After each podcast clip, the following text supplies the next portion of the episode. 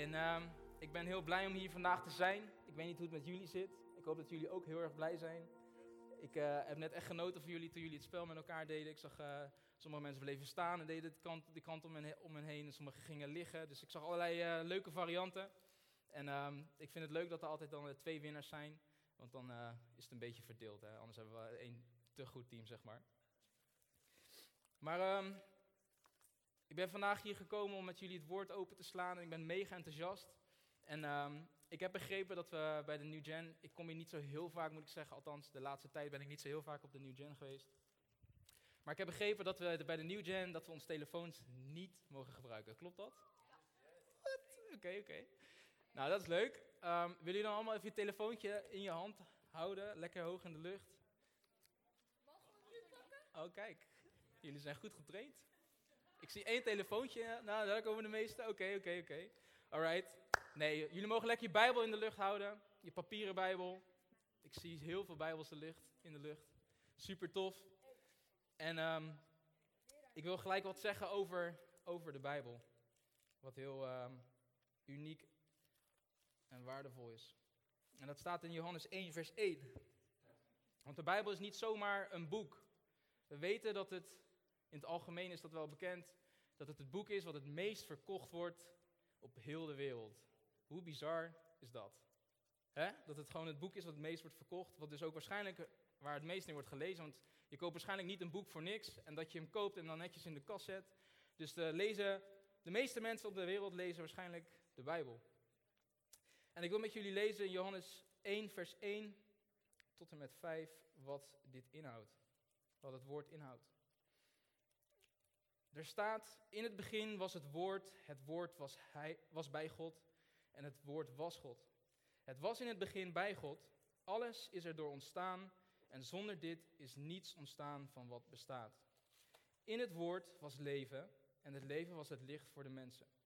Het licht schijnt in de duisternis en de duisternis heeft het niet in haar macht gekregen. Dit is zo powerful. Als je zo gaat kijken naar je Bijbel, dan ga jij je Bijbel niet meer zien als een normaal boek, maar dan ga je je Bijbel zien als een levend woord. En het levend woord, dat is Jezus.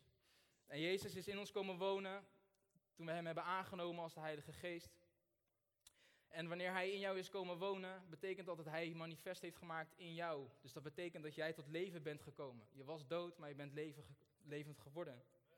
En um, ik geniet zo van het woord. Ik uh, moet zeggen dat ik echt een hele lange tijd, ik ben net als jullie natuurlijk ook tiener geweest, dat ik het echt een saai boek vond. Ik vond echt helemaal niks aan. Ik las denk ik één, twee keer per jaar in dat boek. Absoluut niet nadoen dus.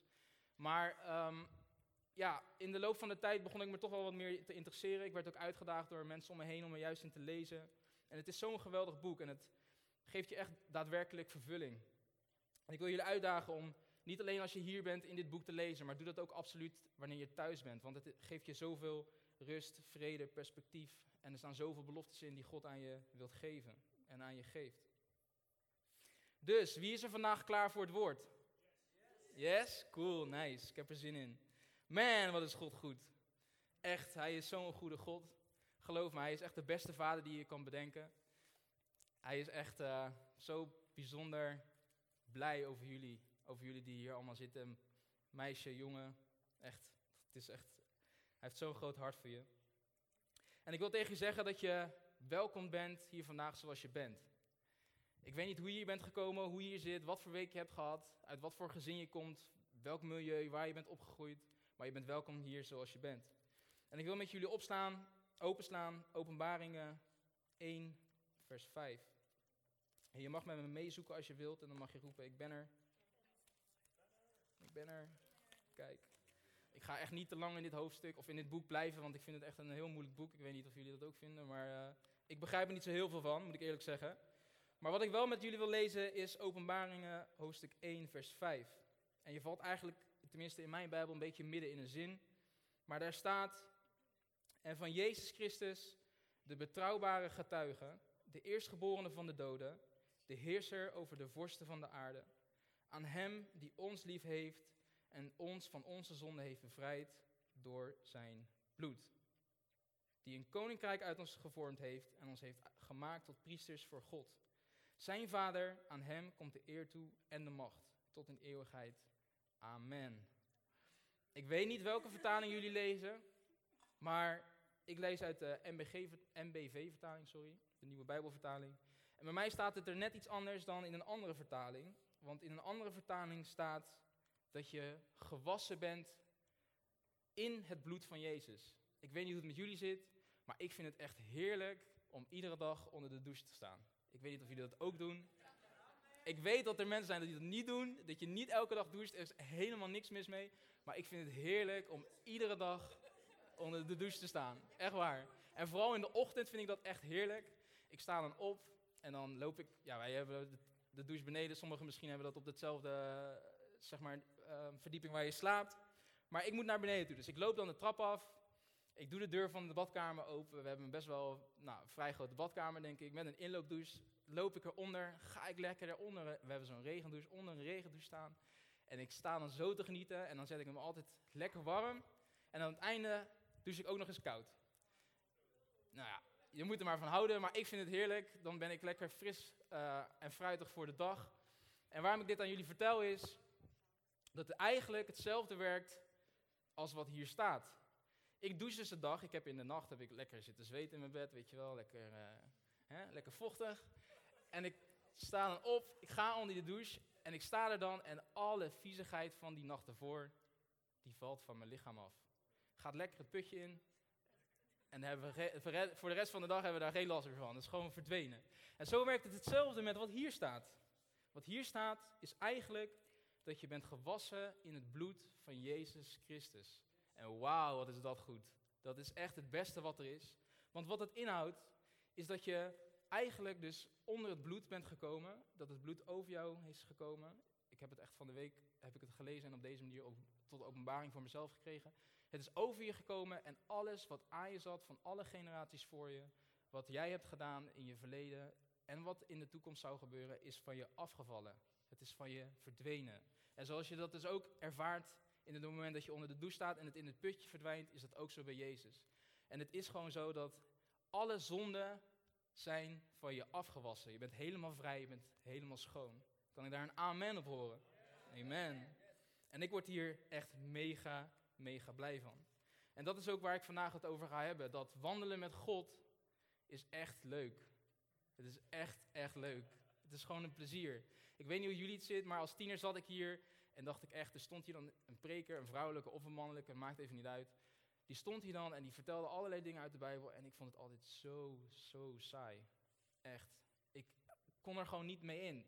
Ik ging naar school, ervaarde altijd andere dingen en ik dacht echt, ja, wat jij staat te vertellen, dat is gewoon, uh, ja, is wel leuk, dat is voor jou, maar ik heb er niet zoveel mee, dus prima. Ik kom hier naar de zondag, ik kwam dan met mijn moeder mee en dat was ook nog wel een beetje verplicht, weet je wel.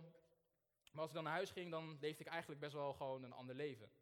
Maar als ik dit nu voorlees, word ik hier dus blij van. En wil ik tegen jullie zeggen dat, is, dat dit dus echt zo is. Ik heb het zelf ervaren en ik ga daar wat over delen. En ook eventjes naar kijken hoe dat bij iemand anders in de Bijbel is. Ik wil met jullie openslaan Matthäus 5, vers 11. En als je er bent, mag je zeggen of roepen, ik ben er. Zo, he is fast.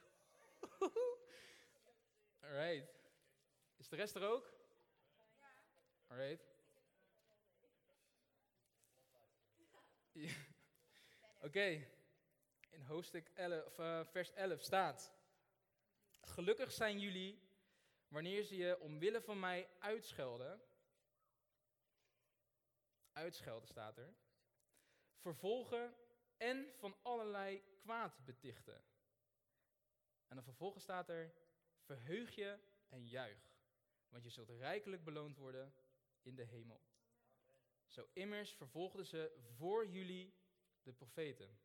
Nou, ik weet niet hoe jullie zit, maar zei net een paar zinnen terug dat het heel leuk is om met God te wandelen, dat het een plezier is om met God te wandelen.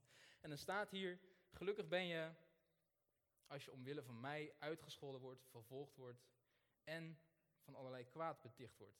Ik weet niet hoe het met jullie zit, maar ik las dit, ik dacht, het laatste woord beticht. Ik weet helemaal niet wat het betekent, dus ik heb even gegoogeld. Ook voor jullie, dan weet je in ieder geval wat er staat. Beticht betekent dus beschuldigen. Dus moet je je voorstellen, wat hier staat geldt dus eigenlijk voor ons. dat je gelukkig moet zijn en moet juichen wanneer je dus wordt 1. Uitgescholden. 2. Vervolgd wordt. En 3. Beschuldigd wordt. Moet je je heel eventjes voorstellen. Jullie gaan allemaal nog naar school toe waarschijnlijk. Denk ik. Hè? Ja? Niet? Wel? Nou, de meeste wel, denk ik. Moet je je voorstellen, hè, we schetsen even een beeld voor ons, dat je je eerste dag naar school toe gaat. Je komt op een nieuwe school. Jij gelooft in Jezus, je bent overtuigd van wie Hij is en wat Hij voor jou heeft gedaan, zoals we net ook hebben verteld. En jij komt op school en je gaat je nieuwe klas binnen. En je hebt allerlei nieuwe, nieuwe koppen zitten daar, allemaal nieuwe mensen. Je bent pas verhuisd, je komt dus op school binnen, je loopt het klaslokaal in. Nou, je gaat zitten achter je bureau, hè, zo, lekker. Je hebt je schriftje doe je open. En dan zit er iemand naast je. Denk even dat het geen corona is. Er zit er iemand naast je. En jij vertelt heel spannend aan die persoon dat je Jezus gelooft. Dat je enthousiast bent over Hem en dat je een goed leven leidt. Dat Hij een goede God is, dat Hij een goede vader is en dat je enthousiast over Hem bent. En die, die jongen of meisje, nou, is dit voor weirdo? Wat doet diegene hier zo, joh? Daar moet ik echt helemaal niks van hebben. En nou, diegene luistert je verhaal, uh, luistert naar je verhaal, luistert aan wat jij te zeggen hebt. Maar gaat er eigenlijk helemaal niet op in. Nou, jij ik heb in ieder geval verteld dat ik van Jezus houd, weet iedereen dat. Heel de klas heeft uiteindelijk meegeluisterd, want alle kopjes draaiden zich gelijk om en die keken allemaal naar wat jij te vertellen had. En vervolgens een week of twee weken later word je gepest omdat jij in Jezus gelooft. Word je uitgescholden omdat jij in Jezus gelooft. Wordt er ergens wat op school gestolen en gaan ze jou beschuldigen dat jij dat hebt gedaan. Zo, hoe zou dat nou moeten zijn? Kan je je voorstellen dat je gepest wordt, uitgescholden wordt en vervolgd wordt omdat jij in Jezus gelooft? En dit is echt werkelijk, hè? dit gebeurt. Ik schets nu natuurlijk een leuk en grappig verhaal om het even voor jullie zeg maar, wat duidelijker te maken hoe jij het dan op school kan ervaren. Maar dit is iets wat echt gebeurt in werkelijkheid. In Afrika zijn er mensen die vermoord worden omdat ze in Jezus geloven. En dit is natuurlijk helemaal geen leuk begin als ik zo open, denk ik. Maar waar ik naartoe wil is naar een verhaal bij iemand in de Bijbel waar dit ook is gebeurd. En ik zal, je beloven, het gaat positief worden. Dus ga met me mee naar Matthäus 11, vers 2. Is dus een uh, paar hoofdstukken verder. Kijk, dacht ik al. Nu was Timo niet het eerste. Hè? dus we lezen hier vanaf vers 2. En hier gaat het over Johannes de Doper. Ik weet niet of jullie Johannes de Doper kennen. Ja. Wel? Ja? He's dope. He's a dope man. Johannes de Doper geloofde heilig dat de Messias zou komen, dat Jezus zou komen en dat hij degene was die de rol van Johannes de Doper erin zou nemen. En Johannes de Doper komt uiteindelijk in de gevangenis terecht. En dat zien we en lezen we hier in dit verhaal. En ik wil met jullie lezen hoe dat precies daaraan toe ging. En hoe hij daar in die situatie eigenlijk zat. Toen Johannes in de gevangenis over het optreden van de Messias hoorde, stuurde hij enkele van zijn leerlingen naar hem toe. Met de vraag: Bent u degene die komen zou, of moeten we een ander verwachten? Oftewel, eerder, toen Johannes Jezus doopte, ging de hemel open. Dat is waarschijnlijk een heel bekend verhaal, dat kennen jullie ook al. ging de hemel over en daalde de Heilige Geest neer als een duif. En Johannes was hier eigenlijk getuige van. Johannes geloofde er heilig in dat hij de Messias was en dat hij, Jezus, Johannes zou vervangen. En hier zit Johannes in de gevangenis en is hij ineens aan het twijfelen over de identiteit van Jezus. Hij vraagt zich eigenlijk af, is dit werkelijk wel de Jezus die ik eigenlijk verwachtte? Of is dit hem niet en komt er nog iemand anders die wel de Messias is? Dus hij stuurde in de gevangenis een aantal mensen naar Jezus toe. En in vers 4 lezen we verder waar Jezus daarop antwoordt. En Jezus antwoordde, zeg tegen Johannes wat jullie horen en zien. Blinden kunnen weer zien en verlamden kunnen weer lopen. Mensen met huidvraat worden gereinigd en doven kunnen weer horen. Doden worden opgewekt en aan armen wordt het goede nieuws bekendgemaakt. Nou, super vet. Jezus doet allemaal geweldige dingen. Johannes krijgt dit dus weer te horen. En als laatste zin staat er, wat Jezus dus doorgeeft als, als message. Gelukkig is degene die aan mij geen aanstoot neemt. Met andere woorden, Johannes nam aanstoot aan Jezus en ging twijfelen of hij wel daadwerkelijk de Messias was. En hoe Johannes precies in de gevangenis is gekomen, dat staat uiteindelijk in Matthäus 14. Dat kan je gewoon als je wilt thuis nalezen. Maar hij is dus in de gevangenis gekomen. Hij gelooft eigenlijk niet meer dat Jezus de Messias is en hij is gaan twijfelen aan Jezus' identiteit. En ik vind het zo indrukwekkend dat als je Jezus zelf lijf hebt meegemaakt, dat je dan nog steeds kan gaan twijfelen aan wie hij is. En wat Jezus doet, is dat Jezus hem niet eigenlijk gaat veroordelen van, ja, je twijfelt aan mij en het kan niet en dit en dit en dat. Maar Jezus vraagt eigenlijk, of zegt eigenlijk een heel mooi iets tegen hem. En hij zegt, gelukkig is degene die aan mij geen aanstoot neemt. Dus met andere woorden, Johannes wordt hier gewoon getuchtigd. En getuchtigd houdt in dat hij op een liefelijke manier terechtgewezen wordt en eigenlijk onderwezen wordt. En het is een beetje een, een verdrietig verhaal, want uiteindelijk wordt Johannes vermoord. Hij wordt onthoofd. En zijn hoofd wordt op een dienblad gepresenteerd aan een koning. Later in. Kijk, je hebt goed opgelet. Later in het, in het verhaal wordt dus zijn hoofd gepresenteerd aan de koning. En wat eigenlijk dus heel zielig is, is dat er in de Bijbel nergens iets wordt verteld over hoe Johannes dit nou heeft ja, ervaren dat hij in de gevangenis zat. Hij was waarschijnlijk heel eenzaam. Hij is vermoord, hij is onthoofd, maar hij bleef wel volharden in het geloof in Jezus. En dat vind ik zo bijzonder. En er is nog een voorbeeld waar ik met jullie wil naartoe gaan. En dat is David. En ik ga niet heel het verhaal van David door, zoals ik dat nu een beetje bij Johannes heb gedaan. Maar ik wil naar David kijken wat hij schreef in de psalmen. Jullie mogen met me openslaan in Psalm 119 en dan vers 14.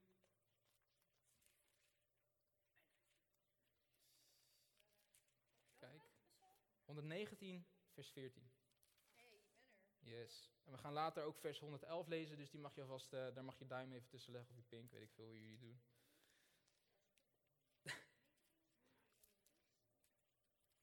In vers 14 staat: Leven naar uw richtlijnen geeft mij vreugde. Meer vreugde dan rijkdom en overvloed. En in vers 111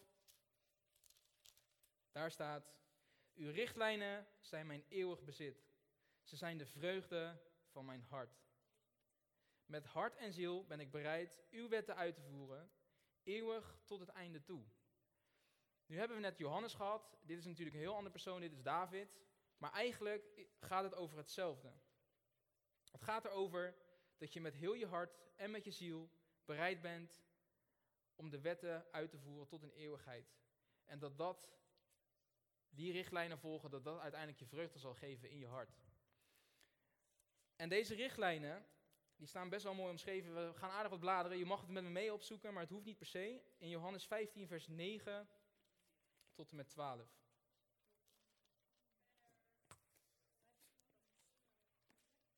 Heel snel. Alright. Nou, dan ga ik lezen vanaf 9, vers 9. Ik heb jullie lief gehad, zoals de Vader mij heeft lief gehad. Blijf in mijn liefde. Je blijft in mijn liefde als je aan mijn geboden houdt.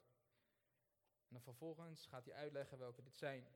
Zoals ik me ook aan de geboden van mijn vader gehouden heb en in zijn liefde blijf. Dit zeg ik tegen jullie om je mijn vreugde te geven. Dan zal je vreugde volkomen zijn. Mijn gebod is dat jullie elkaar lief hebben zoals ik jullie heb lief gehad. Dus met andere woorden, vreugde en, en, en, vrede en vreugde sorry, komen voort wanneer je elkaar lief hebt zoals Jezus ons heeft lief gehad. En dus in relatie blijft met Jezus. Met andere woorden, vreugde vindt plaats wanneer jij in relatie leeft met Jezus. En het is zo mooi. In, 1 Thessalonicense, ik weet niet alle teksten uit mijn hoofd, ik heb ze natuurlijk opgeschreven. Soms doen we misschien als predikers wel van, nou we weten het allemaal, maar dat is niet zo. 1 Thessalonicense 5, vers 16, die hoef je niet op te zoeken, maar ga ik gewoon eventjes voorlezen wat daar staat.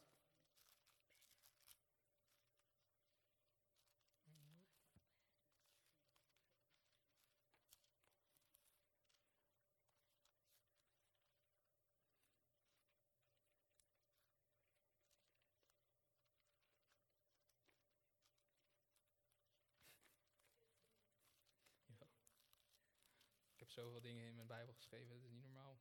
Ik ben even aan het zoeken hoor, sorry.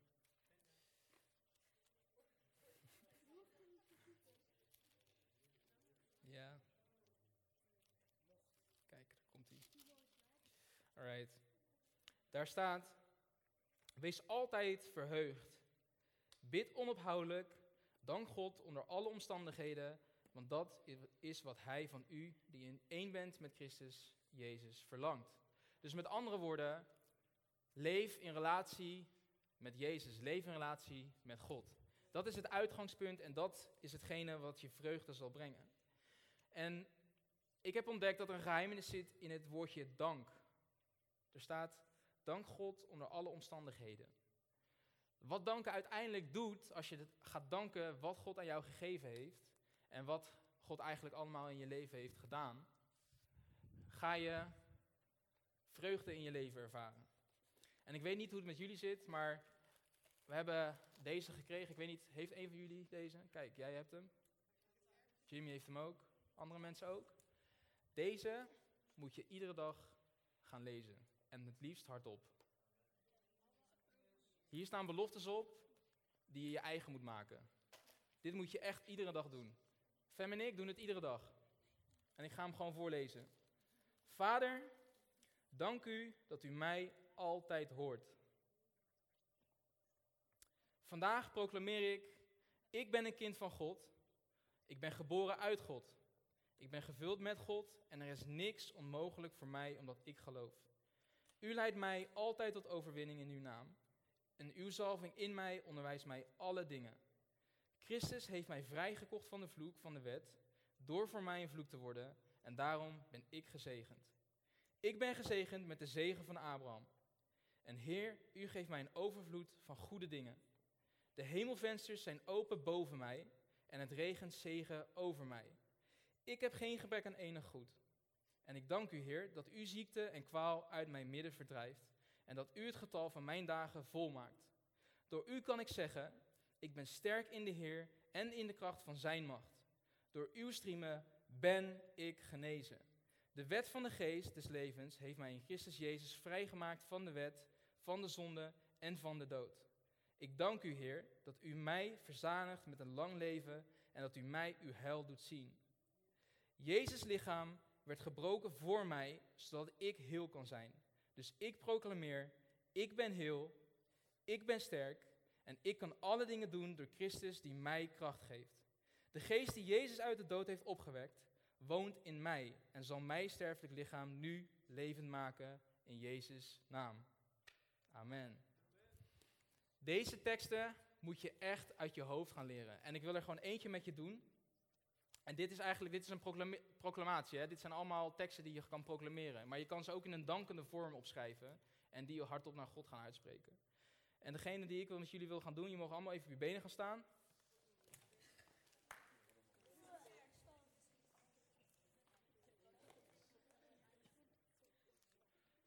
Staan in 2 Korinthe 2 vers 14 en in 1 Johannes 2 vers 27. En ik ga hem dus even in een dankende vorm doen. En sluit je ogen maar en focus je op Jezus. Kijk absoluut niet naar mij. Doe je ogen lekker dicht. En zeg, dank u Heer, dat ik een kind van u ben. Dank u Heer, dat u mij geboren heeft uit God.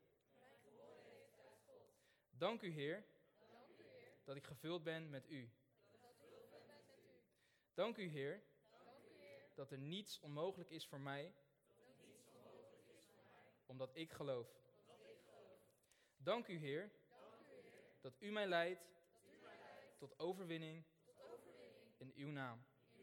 En dank u, Heer, dat uw zalving in mij mij alle dingen onderwijst. Amen. Inderdaad.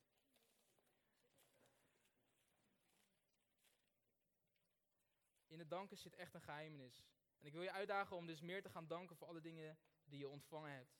En we doen het nu over beloftes, maar je mag ook danken over de dingen die je hebt ontvangen. Als in een slaapkamer, een bed, een playstation, een televisie, warm water, schoenen, sokken. Dat je mag studeren, dat je in vrijheid mag leven. Dat je een vader en een moeder hebt. Dat je Joh, noem het maar op. Er zijn zoveel dingen waar je voor kan danken die God gewoon voor je heeft geregeld. En ik wil als laatste tekst met jullie gaan eh, bekijken. 1 Johannes 1, vers 3 tot en met 7. Je hoeft hem niet op te zoeken, ik zal hem voorlezen. En daar staat: Ieder die dit vol vertrouwen van hem verwacht, maakt zich rein, zoals ook Jezus rein is. Ieder die zondigt, overtreedt Gods wet, want zondigen is Gods wet overtreden. U weet dat Jezus verschenen is om de zonde weg te nemen. Er is in hem geen zonde. En in hoofdstuk 1, vers 3 tot en met 7, daar staat: Wat wij gezien en gehoord hebben, verkondigen we, verkondigen we, verkondigen we ook aan u, opdat ook u met ons verbonden bent. En verbonden zijn met ons, in verbonden zijn met de Vader en met zijn Zoon Jezus Christus. We schrijven u deze brief om onze vreugde volkomen te maken. Het is zo uniek om in verbondenheid te zijn met Jezus en je elke dag opnieuw over te geven aan Hem en dat je vreugde elke dag opnieuw door je heen mag stromen. En wanneer je dus in relatie zal zijn met Jezus, ga je merken dat je in je wandel met Hem, dat je vreugdevol gaat zijn, dat er een bepaalde vrede in je hart komt en dat je vanuit die vrede gaat bewegen. Dat je niet meer hard hoeft te vechten en hard hoeft te boksen, maar dat je gewoon in Hem mag rusten en dat Hij vanuit die positie jou ja, vreugde zal geven en dat je dat echt zal ervaren. En ik wil zo langzaamaan naar het einde toe gaan en um, je vragen om gewoon je ogen te sluiten en je moment te richten op Jezus.